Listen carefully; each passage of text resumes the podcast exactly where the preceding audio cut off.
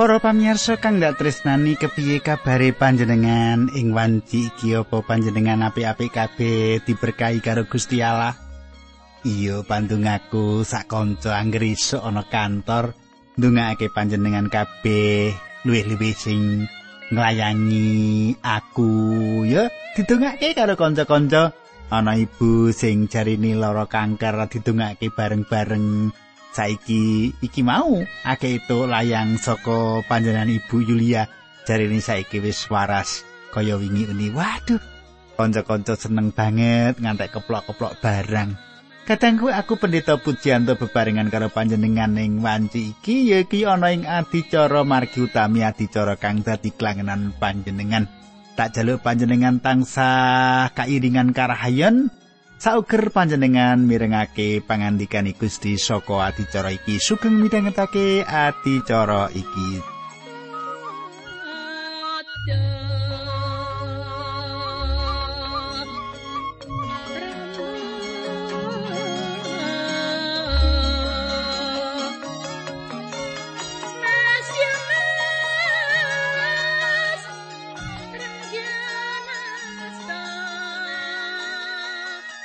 Sumitraku ing sadroning pepanggihan kita kepengker. Sadroning pepanggihan kita kepengker utawa kepungkur, kita wis nyemak kepiye Gusti Yesus gawe sawijining mukjizat yaiku ngleremake prahara utawa nyirep prahara. Banjur kepiye critane sebanjure ing patemon kita iki kita bakal nyemak nanging sadurunge iku aku bakal ngaturake salam dhisik marang sedulur-sedulur sing wis nglayangi aku. Layangi tak buka iki yo. Salamku kanggo Ibu Dona. Ibu Dona. Kados pundi pawartosipun Ibu? Panjenengan mugi-mugi sakitipun sampun saras nggih serat panjenengan sampun kawula bales lan kawula sampun dongaaken lan samenika panjenengan sampun saged mirengaken uh, pangandikan saking adicara margi utami menika nggih Ibu Dona. Mugi-mugi serat panjenengan ingkang badhe dumugi menika sampun ngabaraken kesarasanipun makaten nggih. Nah kadangku iki wis ngaturi salam kanggo Ibu Dona, saiki kita ndedonga bebarengan. Ayo kita tumungkul, kita ndedonga. Duh Kanjeng Rama ing swarga kawula ngaturaken gunging panuwun. Menawi wekdal menika kawula saged sesarengan kalian sedherek kawula ingkang setya tuhu midhangetaken adicara menika. Kawula ndongaaken sedherek kawula ingkang sakit menapa kemawon sakitipun ing wanci menika supados Gusti piyambak ingkang nyarasaken kanthi midhangetaken pangandikan paduka ingkang kawula wedharaken menika saged nuwuhaken pakaryan paduka ing badanipun sedherek kawula menika kanthi makaten saged saras kados wingi. Linambaran asmanipun Gusti Yesus Kristus kawula ndedonga haleluya amin.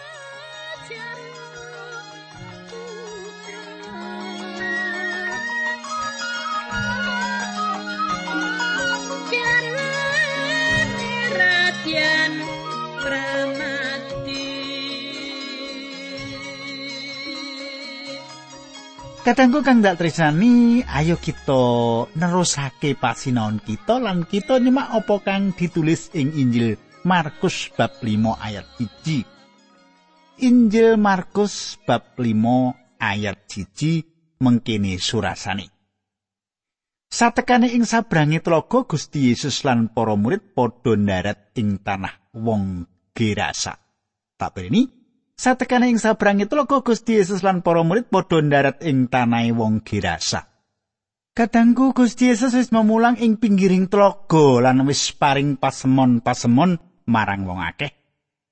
Sebanjuri Gusti Yesus nyabrang tlaga mau banjur tekan ing tanah Gerasa. Tanah iki kang diwenehake suku Gad ing sisih wetan Kali Yarden, pilihan kang salah kanggo negat ing Kali Yarden iki. Ayat loro, Lagi wae mandap saka ing prau banjur ana wong sing kepanjingan demit marani Gusti Yesus wong mau tekane saka ing pekuburan. Katanggu panjenengan gatekake wong kang kepanjenengan demit iki kahanane ngegirisi. Nanging senadyan kahanane kaya mengkono ngegirisi, dheweke kuwi tetep manungsa. Gusti Yesus tetep ngajeni wong iku minangka jejering manungsa. Ayat telu papat limo. Pancen manggone ana ing kono lan wis ora ana wong sing bisa mbondo dheweke. Senajan dibondo nganggo rantai pisan mesti dipedhot. Wis bola bali. Wong kuwi tangan lan sikile dirante nanging iya bola bali dipedhot. Awan bengi wong sing kepanjenengan demit mau klambrangan ana ing pekuburan kono utawa ana ing gunung-gunung karo bengak-bengok lan awake diantemi dhewe nganggo watu. Kadangku wong iki manggone ana ing kuburan. Wong iki ora seneng amor karo masyarakat. Ora gelem kaya lumrahe wong. Wong iku luwih seneng urip ing antarane wong mati. Wong mau kalebu wong kang ora normal, ora ana kang bisa mbondo. Wis mesti wae wong mau banget dening sengsara. Wong mau ora bisa sesrawungan karo pepadani, bisane mung bengok-bengok. Kahanan kang kaya mengkono kuwi wis mesti banget dening gegirisi kabeh iku awit saka penggawene si demit si setan mau. Ayat 6 pitu wolu.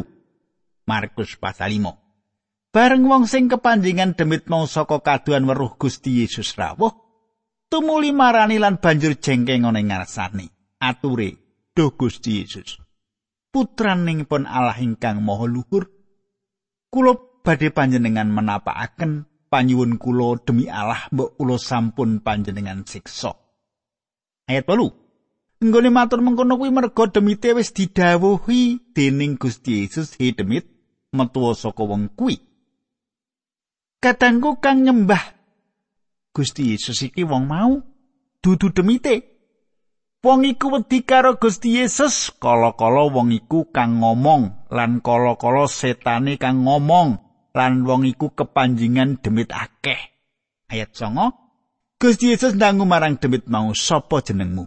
Demite mangsuli, "Nama kula Legiun, awit cacah kula kathah." Panjenengan katekake jawaban wong iki bingungake wong mau kondo jenengku. Tembung iku meratelake menawa wong iku mbudidaya matur karo Gusti Yesus. Nanging setan mau banjur numpangi awit cacah kula kathah. Ayat 10 demit mau nyuwun kanthi adreng marang Gusti Yesus supaya demit-demit piyaja ditundung saka panggonan kono. Ayat 11 ana ing perenging puntuk cedhak panggonan kono ana babi pirang-pirang lagi padha golek pangan. Ayat 13 demit-demit mau padha nyuwun marang Gusti Yesus mbok kula sami keparengno manggening babi-babi menika. Ayat 13 Gusti Yesus marangaken demit-demit mau banjur padha metu saka wong kuwi tumlu mlebu ing babi-babi sing cacahe kira-kira ana 2000 babi-babi mau banjur padha mudhun saka ing puntuk padha ambyur ing tlaga lan padha mati kelep ana ing kono Kadangku ana sawijining lelakon kang gegirisi kang dipratelake marang kita ing kene.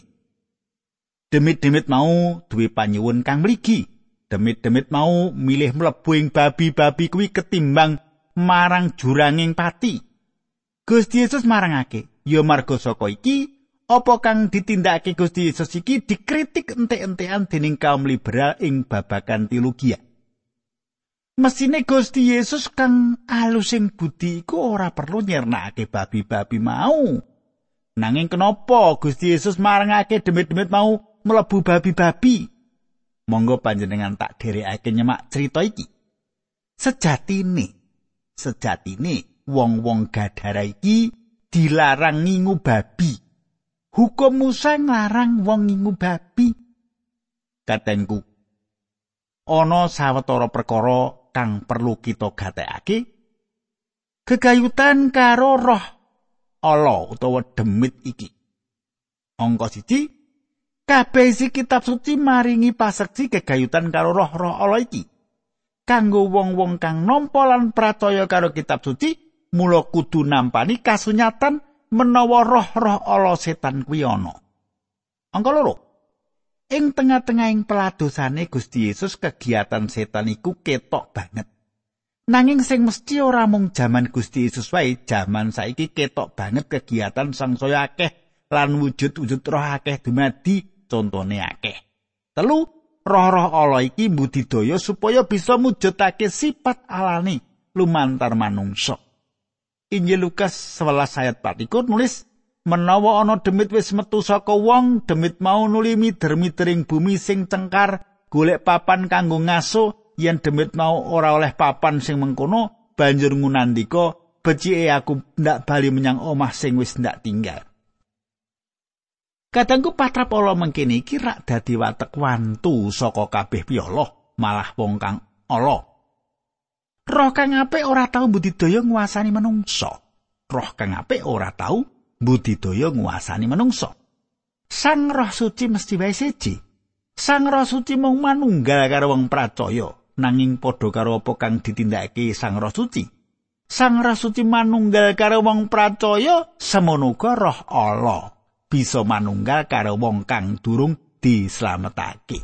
Nek jenengan urung dislametake, Roh Allah kuwi manggon ning jenengan, nunggal karo jenengan. Mula jenengan gampang nesu, plak plok plak plok karo bojone, plak plok plak plok karo anake. Ning gereja ora kerasan. Tak terus ki. Roh-roh Allah ora bisa nguasani wong kang wis dislametake.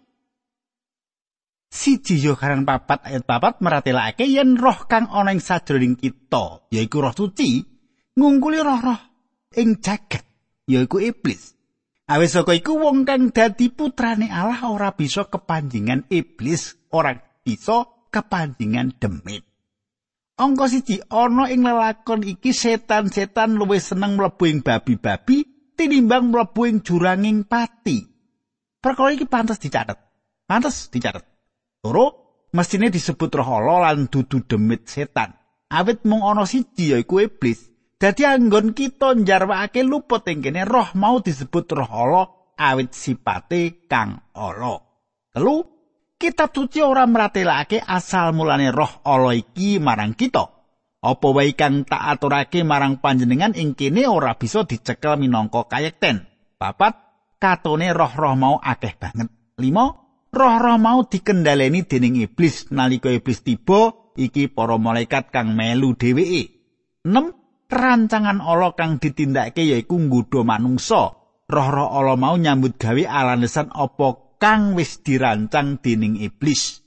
Pitu, ana contoh gegayutan karo wong-wong kang kepanjingan roh Allah ing jaman saiki. Akeh wong kang muja iblis, wong-wong mau kondo yen wong-wong mau nampani kasunyatan awet saka anggone manembah iblis mau. Iblis siap menehi kasunyatan marang wong kang manembah marang panjenengane nanging pitakonan kang penting banget yaiku kasunyatan jinis sing kepiye sing ditampa dening wong-wong mau. Walu Gusti Yesus kagungan panguwasa atas Roh Allah. Iki sawijining wulangan kang gedhe kang pantes kita sinau.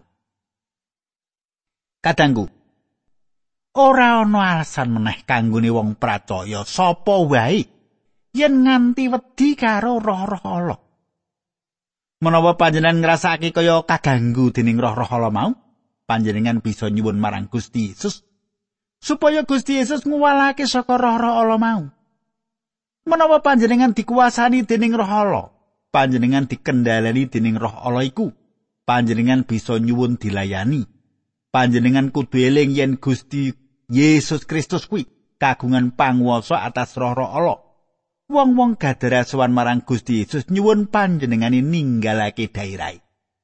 Kang dadi alasane wong-wong mau supaya Gusti Yesus ninggalake daerah yaiku wong-wong mau luwih seneng duwe babi ketimbang karo duwe Gusti Yesus. Panjen akeh wong-wong kang luwih seneng duwe maneka werna kedonyan tinimbang karo duwe Gusti Yesus Kristus. Panjenengan piye? luwih becik kula gadah bondo kok Pak tinimbang kula mboten mboten mboten duwe napa-napa. Kula mboten milih Gusti Yesus. Napa ngoten panjenengan? Wah panjenengan ra slamet nek ngono kuwi. Tak terusake. Mukjizat sepanyuri kang ana gegayutane karo mukjizat uripe meneh anake Yairus Bab 5 ayat 21 tekan 22 Gusti Yesus nitih prau menyang sabrangi telaga Galilea meneh ana ing kono jumeneng ing sak pinggiring telaga tumuli akeh banget wong kang padha suwan ing ngarsane. Banjur ana wong teka jenenge Yairus. Yairus kuwi panggedene sinagoga nalika ketemu Gusti Yesus, Yairus nuli jengkeng ing ngarsane. Ayat 23 Yairus nyuwun kanthi adreng ngaturi Gusti, anak kawula sakit sanget badhe pecah. Mugi Gusti kersa rawuh ing griya kawula, Gusti kersa numpangi asta temah anak kawula badhe saras mboten pecah. Ayat 24 nganti 17. Gusti Yesus banjur tindak bebarengan menyang omah Yairus, wong akeh banget suk-sukan nderekake tindaki. Ana ing antarané wong akeh mau ana wong wadon siji sing wis rolas taun lara ngetokake getih. Wong wadon mau wis katok nggone ikhtiar mertombo menyang dukun-dukun nganti bandane entek kanggo ragat. Nanging ora bisa waras malah larane saya banget. Wong wadon mau wis krungu critane wong akeh bab Gusti Yesus, mulane dheweke nekat nrenjel ing satengah wong akeh mau nyedhaki Gusti Yesus arep ndemek jubai. Ayat 21. Awit wong wadon kuwi duwe pengandel, angger aku bisa ndemek jubai Gusti Yesus aku mesti waras. Barang wis cedhak karo Gusti Yesus wong wadon mau banjur ndemek jubai. Kadangku ing lelakon iki Lukas kang pancen dokter meratelake secara ilmu kedokteran. Yen penyakite wong wadon iku ora bisa diwarasake lan iya awit saka larane kuwi dheweke wis ngentekake bandane kanggo golek tombo. Ayat 29 nganti 31. Sak wong kuwi mari getihe mampet lan krasa yen awake wis waras. Bareng karo marine wong wadon mau Gusti Yesus uga krasa yen ana daya sing metu saka ing sarirane panjenengane banjur minger mirsani wong akeh kang padha nderekake sarta ndangu. Sopo sing demek jubahku? Murid-muridé padha matur Gusti, tiang semanten kathahipun sami susukan kok Gusti ndangu. Sopo sing demek jubahku? Kadangku. Krungu pendangune Gusti mau para murid duwe pikiran menawa pandangune Gusti Yesus iku aneh. Awit apa? Awit wong-wong padha susukan kepengin nyedhaki Gusti Yesus. Lan pancen para murid ora bisa atur wangsulan. Nanging kang dibutuhake yaiku ndemek Gusti Yesus kanthi iman supaya antuk kewarasan. Ayat 32 nganti 34 Markus 5. Nanging Gusti Yesus terus nggone mirsani wong akeh mau goleki wong sing wis ndemek jubai. Wong wadon sing rumangsa ndemek jubai mau lan krasa yen awake wis waras banjur suwani ngarsane Gusti Yesus suwani kelawan ndredeg merga wedi. Wong wadon kuwi jengkeng ing ngarsane sarta matur bloko. Gusti Yesus banjur ngendika, "Ibu, percayamu sing mitulungi kowe saiki mundura kanthi tentrem atimu, laramu wis mari." Katanggu wong wadon iki wis nandang lara ngrajak getih suwene rolas taun. Panjenengan gatekake bocah wadon kang bakal ditulung Gusti Yesus umure rolas taun. Yairus bapake bocah kuwi wis sowan Gusti Yesus nalika Yairus nyawang Gusti Yesus rerembugan karo wong wadon iki, aku yakin Yairus mikir, "Wah, Kenapa panjenengan kok ora enggal-enggal menyang nggonku? Ora panjenengan pirsa yen anakku loro abot ana ngomah. Lan sedhi longkas bakal mati kejaba Gusti Yesus cepet-cepet mrono. Lan kadangku. Sawetara Gusti Yesus marasake wong wadon iku ana wong menehi kabar marang Yairus kaya kang dinulis sing pangandikane Gusti. Ayat 35, 36, 37 nganti patang puluh. Mungkin ini Gusti Yesus durung rampung ngene ngendika wis ana susulan teka saka omah Yairus ngaturi yen anak Yairus wis mati. Aturi wong marang Yairus. Putra panjenengan sampun tilar donya menapa perlunipun damel ribetipun Gusti Yesus kapurih rawuh ing dalem panjenengan? Gusti Yesus ora ngatakake aturi susulan mau nanging paring dawuh marang Yairus. Aja wedi. Yairus percaya wae. Wong akeh padha dipenging nderek Gusti Yesus kejaba Petrus lan wong loro sak sedulur ya kuwi Yakobus lan Yohanes. Sarawi ing omahe Yairus Gusti Yesus mireng wong-wong padha nangis pating jlerit. Gusti Yesus mlebet ing omah banjur ngendika karo wong-wong sing padha nangis mau. Ya kene kowe padha nangis lan ribut mengkono kuwi. Bocah ora mati mung lagi turu nanging wong-wong mau padha ngeguyu. Ayat 40. Gusti Yesus banjur ndawi supaya wong kabeh padha metu bareng wis padha metu kabeh Yairus lan bojone Tuhan Petrus Yakobus lan Yohanes diajak mlebu ing kamar sing kanggo nurokake bocah sing loro. Katengku Dadi Gusti Yesus tindak menyang omahe Yairus lan ngilangi rasa mangu-mangu wong-wong kang ora percaya. Nalika wong-wong mau isih ana njaba Gusti Yesus mlebu ing omah manut tulisane Markus mengkini ayat 41. Gusti Yesus banjur ngasto tangane bocah kuwi karo ngendika tali takum. Jarwani genduk kowe tangiyo. Katengku, tembung tali takum sawijining tembung bahasa Aram kang mesti bocah wadon mau ngerti tegese. Tembung mau manut bahasane bocah mau mengkene yen dijarwake wedhus cilik tangiyo. Ya kaya mengkono iku kang dingendikake Gusti Yesus marang bocah wadon iku lan apa kang dingendikake Gusti Yesus iku sawijining perkara kang indah lan kepenak. Gusti Yesus nangekake utawa nguripake bocah wadon cilik iki panjenengane uga nangekake utawa nguripake meneh pemuda kang dadi anake rondo ing kutha Nain lan sepanjure yaiku Lazarus. Panjenengane nguripake meneh utawa nangekake wong-wong mau kanthi cara kang padha yaiku panjenengan ngandikan marang wong-wong mau. Kadangku. Manut aku bocah wadon cilik mau makili bocah-bocah cilik. Bocah-bocah kang wis ngancik dewasa Gusti Yesus ngendikan marang bocah wadon cilik mau kanthi cara kang indah wedhus cilik tangiyo.